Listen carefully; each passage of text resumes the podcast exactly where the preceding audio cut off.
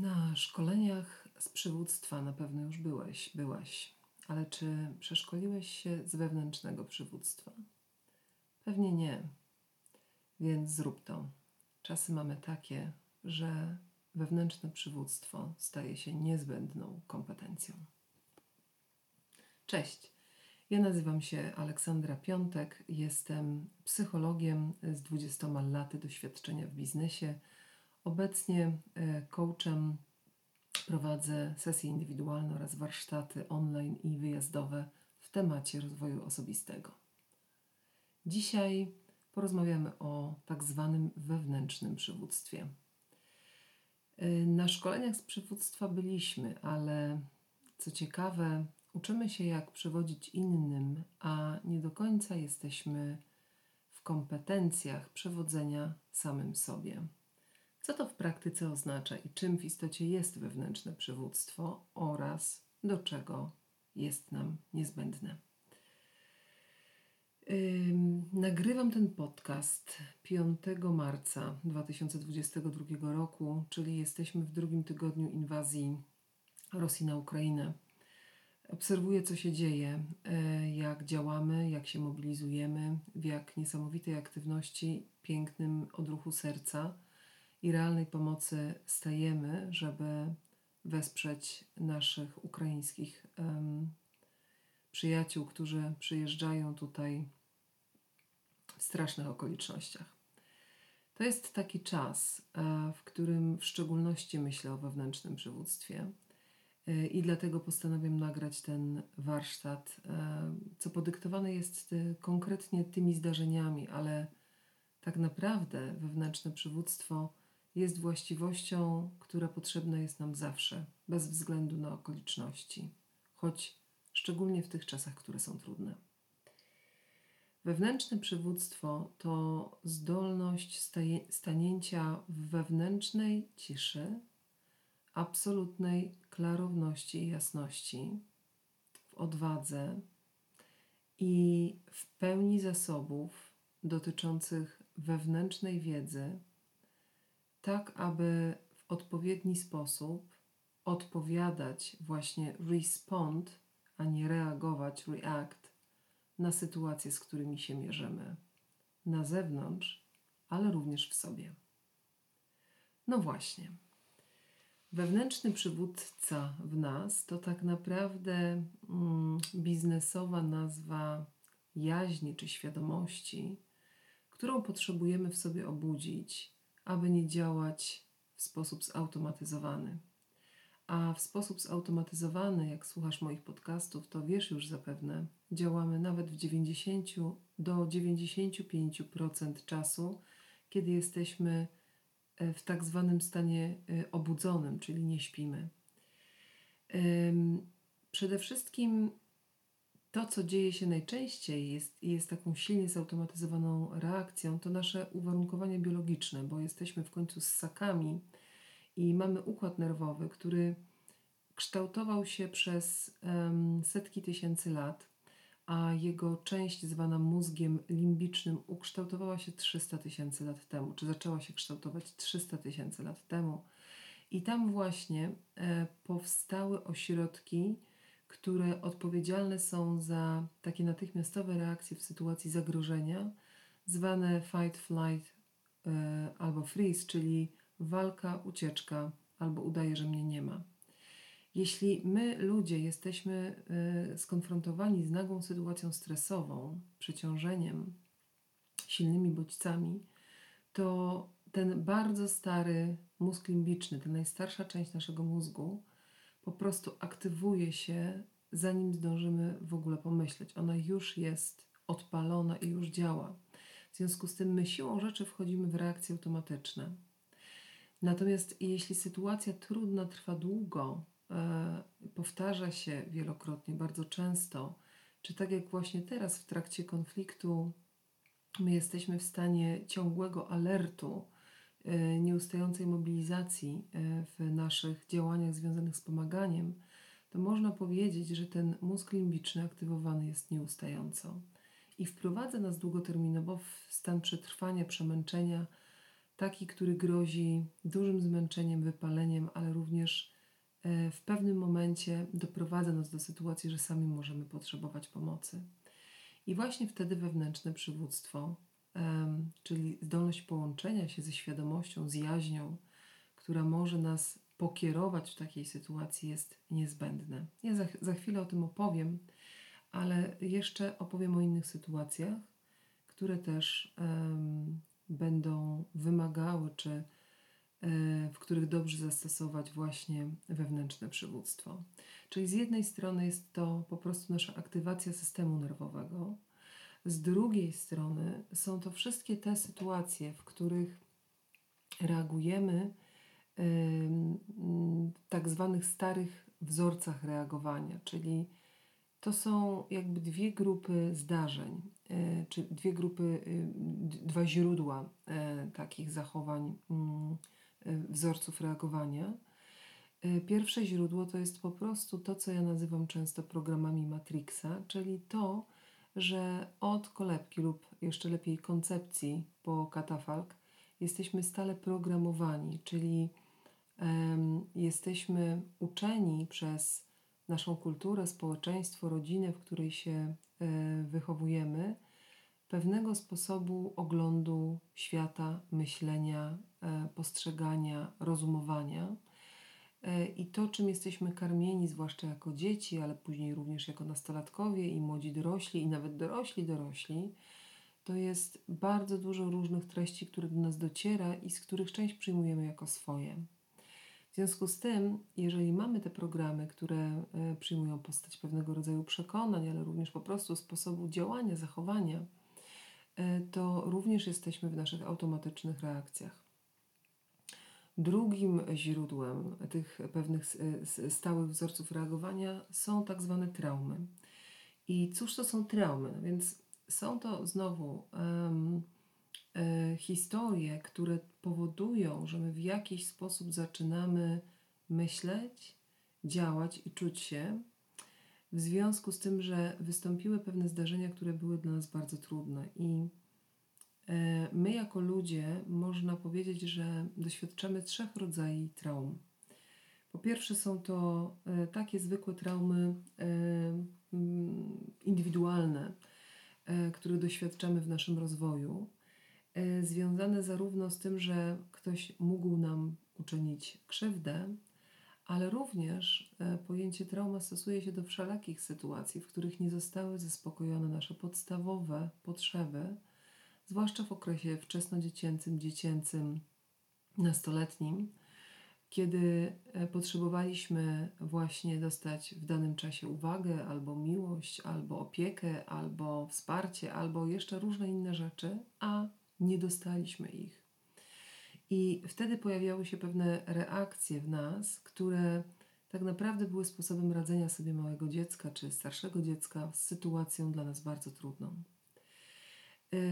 Są oczywiście te traumy właśnie związane z, z, z ewidentną sytuacją bycia skrzywdzonym, ale również e, warto wiedzieć, że są jeszcze tak zwane traumy rodzinne i kolektywne rodzinne to są wszystkie te trudne rzeczy, które przechodzili nasi rodzice, dziadkowie, pradziadkowie, które nosimy w pewnym sensie w sobie, nawet będąc tego nieświadomi. To znaczy, częściowo je nosimy, bo słyszeliśmy różne historie, one w nas zostały, ale nawet jeśli nie usłyszeliśmy ich nigdy nie zostały nam przekazane, to część tych traum zapisanych jest w naszym kodzie genetycznym i tak naprawdę ekspresja genów przy określonych bodźcach, bodźcach środowiska może te traumy pobudzić.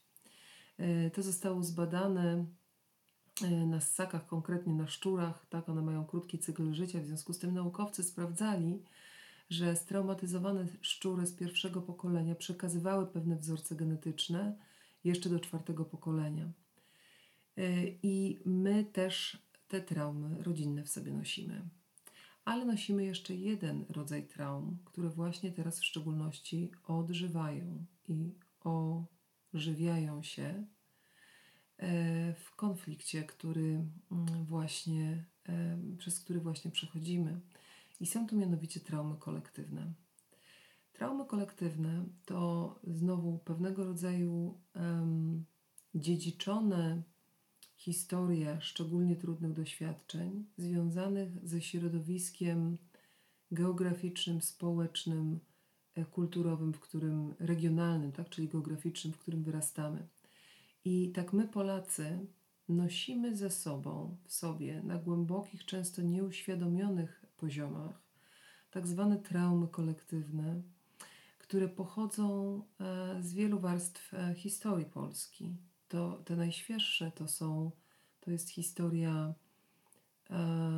komunizmu w Polsce. Dalej oczywiście II wojna światowa, okres międzywojnia, pierwsza wojna światowa i dwa wieki zaborów. Wszystko to, co się działo, to w pewnej postaci zostaje w nas zapisane na bardzo głębokim poziomie, tak zwanej nieświadomości zbiorowej i również e, powoduje nami, kieruje nami w różnych sytuacjach, w których odpalają się, można powiedzieć, pewne lęki, niepokoje, e, również zachowania, myśli e, związane z tą nagromadzoną historią kolektywną przez wiele e, dziesiątek lat, czy nawet setek lat e, naszej e, społeczności, naszego kraju, naszej historii. Teraz widać to w szczególności i ten podcast jakby nie jest przeznaczony szczegól, szczególnie temu zagadnieniu traumy kolektywnej, którą możemy obserwować przy okazji konfliktu ukraińskiego, ale pomyśl sobie o tym, co się dzieje z Tobą w momencie, kiedy spotykasz człowieka, który właśnie przyjechał e, z kraju dotkniętego wojną, e, na którego patrzysz, z którym próbujesz rozmawiać i mm, który być może nie jest e, do końca dostępny, bo sam już jest w stanie zakłócenia w funkcjonowaniu takim emocjonalnym, psychologicznym. Pomyśl, jak wracasz do domu i pomyśl, przypomnij sobie, co się z tobą wtedy dzieje. Jakie zaczynają pojawiać się myśli, jakie uruchamiają się lęki czy biegniesz do bankomatu wypłacać kolejne e, pieniądze lub wymieniasz e, pieniądze na euro lub sztabki złota. E, kupujesz puszki bądź opracowujesz plan wyjazdu z kraju, jeśli inwazja przyjdzie tutaj. I oczywiście z jednej strony można powiedzieć, są to pewne racjonalne zachowania związane z, z tym, że chcemy się przygotować na ewentualne nieszczęście z drugiej jednak strony, wszystko to, co wtedy w nas się dzieje od strony emocjonalnej i psychologicznej, można powiedzieć, że może nie wszystko, ale pewna część tego można powiedzieć, że e, bardzo właśnie silnie nabudowana jest na tych traumach kolektywnych, czyli pewnej historii e, trudności, bólu, cierpienia, e, okru okrucieństwa który niesiemy w swojej tkance społecznej i w, pam w pamięci właśnie tej kolektywnej, nieświadomej.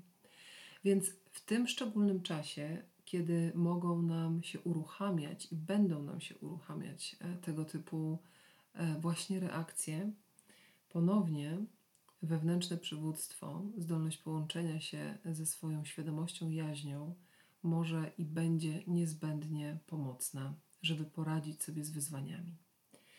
No i e, wreszcie e, trzeci, trzeci typ sytuacji, w których e, wewnętrzne przywództwo jest pomocne, to jest moment, w którym odpalają nam również w ramach tych starych wzorców reagowania różne neuroprogramy związane z pewną mieszaniną zarówno sytuacji o charakterze traumatycznym, jak i właśnie programowania, nasz, e, bycia programowanym przez naszą rzeczywistość, to co ja nazywam programami Matrixa.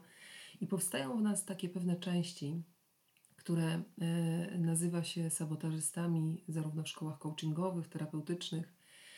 E, części nas, które przeszkadzają nam często zrobić w życiu to, na czym nam zależy, ponieważ są to głosy, które no, stoją nam na drodze, tak? I wchodzą nam w paradę w momencie, kiedy próbujemy coś zrobić, osiągnąć, e, o coś zawalczyć, e, ale też które czasami są przesadną reakcją na różnego typu sytuacje i mogą zapędzić nas w kozi róg, kiedy nadmiarowo na przykład czegoś chcemy, coś pragniemy albo coś kontrolujemy.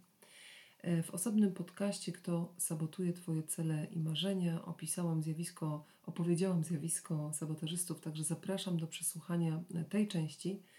A teraz wracamy już do naszego wewnętrznego przywództwa. Czymże jest w takim bądź razie ta część w nas, która e, jest w stanie właśnie zatrzymać nas na chwilę, aby skuteczniej radzić sobie z tą grupą wyzwań, którą przed chwilą opisałam. Dick Schwartz, e, amerykański psycholog, e, twórca podejścia zwanego system wewnętrznej rodziny, e, Inner Family System, przepięknie opisuje właśnie to wewnętrzne przywództwo, tak naprawdę jaźń, świadomość, po angielsku self, jako taką najbardziej wyciszoną, um, mądrą, świadomą, szeroko widzącą i rozumiejącą część w nas, która, do której jeśli się odwołamy, to wesprze nas w różnych krytycznych sytuacjach. I ta część w nas to jest taka część, do której wszyscy mamy dostęp, ale kompletnie o tym nie wiemy. Jak ja to często mawiam, ani w rodzinach, ani w szkołach nikt nas tego nie uczy. Y, a jest to taka część, która czerpie zasoby zarówno z całej naszej wiedzy gromadzonej przez nas w ciągu naszego życia, ale również z intuicji, czyli z tej wiedzy nieświadomej, nieuświadomionej, e, nieuświadomionych wglądów w siebie, czy w rzeczywistość, czy, czy w innych ludzi, e, która czerpie również z mądrości mm, i przewodnictwa serca. I tutaj w nawiązaniu do e, tego, co wiemy dzisiaj o koherencji serca, o, o prowadzeniu i przewodzeniu właśnie przez serce i jego niesamowitą siłę i miłość przede wszystkim. E, I również ten wewnętrzny lider łączy się e, z nieskończoną świadomością i z nieosobową jaźnią, czyli czymś, co my w religiach nazwaliśmy Bogiem, a tak naprawdę jest czymś większym niż my sami, co wie, jest i zawsze będzie. E, i może nam również e, dać niesamowite zasoby e, w poradzeniu sobie właśnie z wyzwaniami. I teraz, jak jesteśmy w jakiejś trudnej sytuacji, jesteśmy w lęku, jesteśmy w stresie, jesteśmy, odpala nam się właśnie mózg limbiczny, albo te stare wzorce reagowania, które pochodzą albo z programów Matrixa, albo z różnych sytuacji dla nas trudnych w życiu, tak? czyli tych traum, czy po prostu y, przejmują nad nami stery nasi sabotażyści, to potrzebujemy uruchomić tego naszego wewnętrznego lidera. Y, czas tego podcastu nie pozwoli mi y, na to, żeby dużo i szczegółowo opowiedzieć o tym, jak z liderem pracować, ale opowiem, jak go uruchomić. A w momencie, kiedy on już z nami jest, w zasadzie warto zadać mu po prostu pytanie, co zrobić w danej sytuacji, a e, jaźń nasza, ta właśnie nasza osobowa świadomość poprowadzi nas i podpowie nam, jak e, mm, potrzebujemy poradzić sobie z tą daną sytuacją. Więc z, y, przede wszystkim w momencie, kiedy jesteśmy pobudzeni, to trzeba zrobić dwie rzeczy. Trzeba e, wygasić mózg limbiczny oraz zatrzymać rozbiegany umysł. Wygaszenie mózgu limbicznego najszybciej robi się przez technikę, do której wszyscy mamy dostęp i możemy się jej nauczyć dosłownie w dwie minuty, czyli przez oddech. E, oddech, zwłaszcza taki szczególny rodzaj oddechu, e, powoduje, że wydziela się hormon e, neuroprzekaźnik, przepraszam, GABA, który ma za zadanie um, zahamować przewodnictwo w synapsach, czyli jak pobudzenie nerwowe, um, impuls tak, nerwowy biegnie po naszych komórkach, e, z komórki do komórki drogami, ścieżkami e, nerwowymi, aby uruchomić całą neurochemię typu kortyzol, adrenalina z nadnerczy, tak? Żebyśmy weszli właśnie w te reakcje, szybkie reakcje będące pochodną uruchomionego mózgu limbicznego, to GABA tak naprawdę to, co robi, to hamuje neuroprzekaźniki w synapsach, czyli zatrzymuje. To jest, to jest e, neuroprzekaźnik, który hamuje właśnie przekaźnictwo, czyli zatrzymuje to pobudzenie nerwowe. I jesteśmy w stanie to zrobić takim oddechem najszybciej, który polega na tym, że bierzemy wdech i liczymy do czterech, na bezdechu liczymy do czterech i na wolnym, głębokim wdechu liczymy do ośmiu.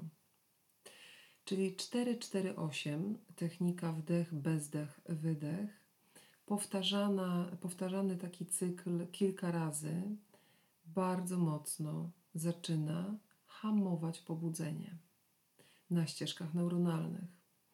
W zasadzie zrobienie 3 do 5 takich oddechów już robi bardzo dużo. Jeśli możesz zrobić ich trochę więcej, to w ogóle idealnie, ale to powoduje już y, wygaszenie, może nie zupełne, ale wyciszenie mózgu limbicznego.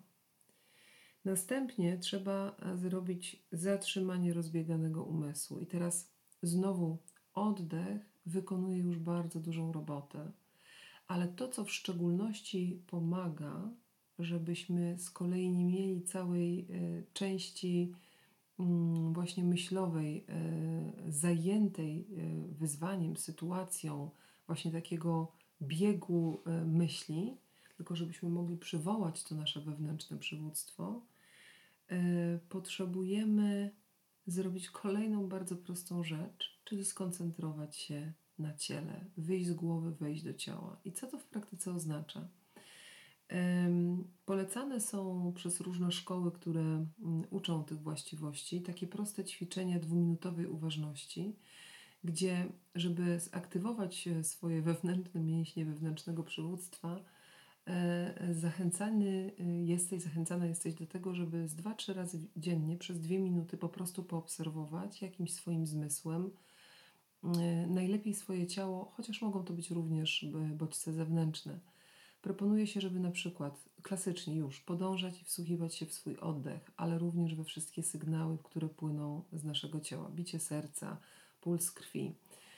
Można wsłuchiwać się w dźwięki na zewnątrz. Bardziej chodzi o to, żeby używać naszego zmysłu, żeby koncentrować się bardzo mocno na jakichś bodźcach zewnętrznych. Można dotykać e, jakiejś struktury materiału, można e, wsłuchiwać się w muzykę, można smakować coś. Bardzo e, ważne jest to, żeby doświadczać po prostu poprzez zmysły całą swoją uważnością czegoś, co jest, co pochodzi z naszego wnętrza lub naszego zewnętrza.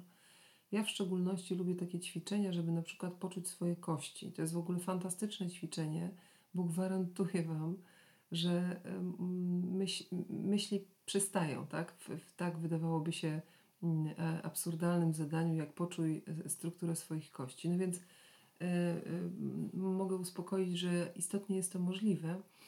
E, natomiast w szczególności to zadanie mm, e, realizuje podstawowy cel, który tutaj mamy, czyli zatrzymuje rozbiegany umysł. Także e, mamy, mamy zatrzymanie, mm, wyhamowanie mózgu limbicznego, mamy zatrzymanie rozbieganego umysłu. I to, co potrzebujemy teraz zrobić, to tak naprawdę skontaktować się z naszą wewnętrzną świadomością, jaźnią, wewnętrznym liderem. Możemy sobie E, tak naprawdę dobrze jest to praktykować poprzez e, medytację e, wewnętrznego przywództwa, żeby obudzić, pobudzić, aktywować w sobie tę część.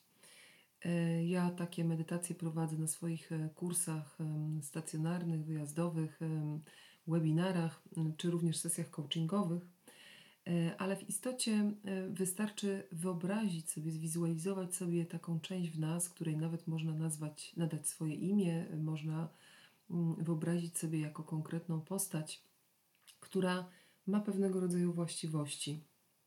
I te właściwości e, e, w nas, e, które ma ta część nas, to takie rzeczy jak spokój wewnętrzny, ciekawość, kreatywność, klarowność widzenia i wiedzenia, prawdziwa obecność, współczucie, otwarte serce, miłość, odwaga.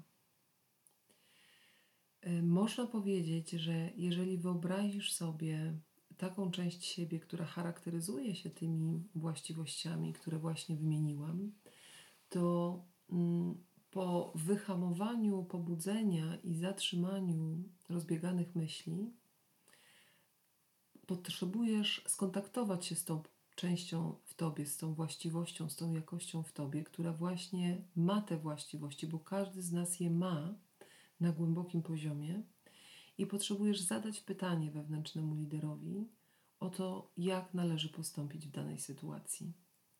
I nie ma znaczenia, czy zadajesz pytanie o wyzwania biznesowe, o to, co jest teraz dobre, co należy zrobić, mm, jak bardzo pomagać, kiedy zatrzymać się i zadbać o własne zasoby, jak najlepiej zorganizować rzeczy, które potrzebujesz zorganizować, e, jak prowadzić e, trudną rozmowę z trudnym partnerem życiowym albo biznesowym. W niezliczonej ilości sytuacji nasz wewnętrzny e, przywódca, nasz lider będzie nam pomagał i dawał nam odpowiedzi na pytania. I do tego Cię zachęcam. Obudź go w sobie, znajdź go w sobie i pytaj go, o to, co jest dla ciebie naprawdę ważne. Ale pamiętaj, że odezwie się do ciebie tylko wtedy, kiedy wyhamujesz e, reakcje limbiczne, uciszysz rozbiegany umysł i wsłuchasz się w wiedzę, która w każdym z nas jest. Do usłyszenia.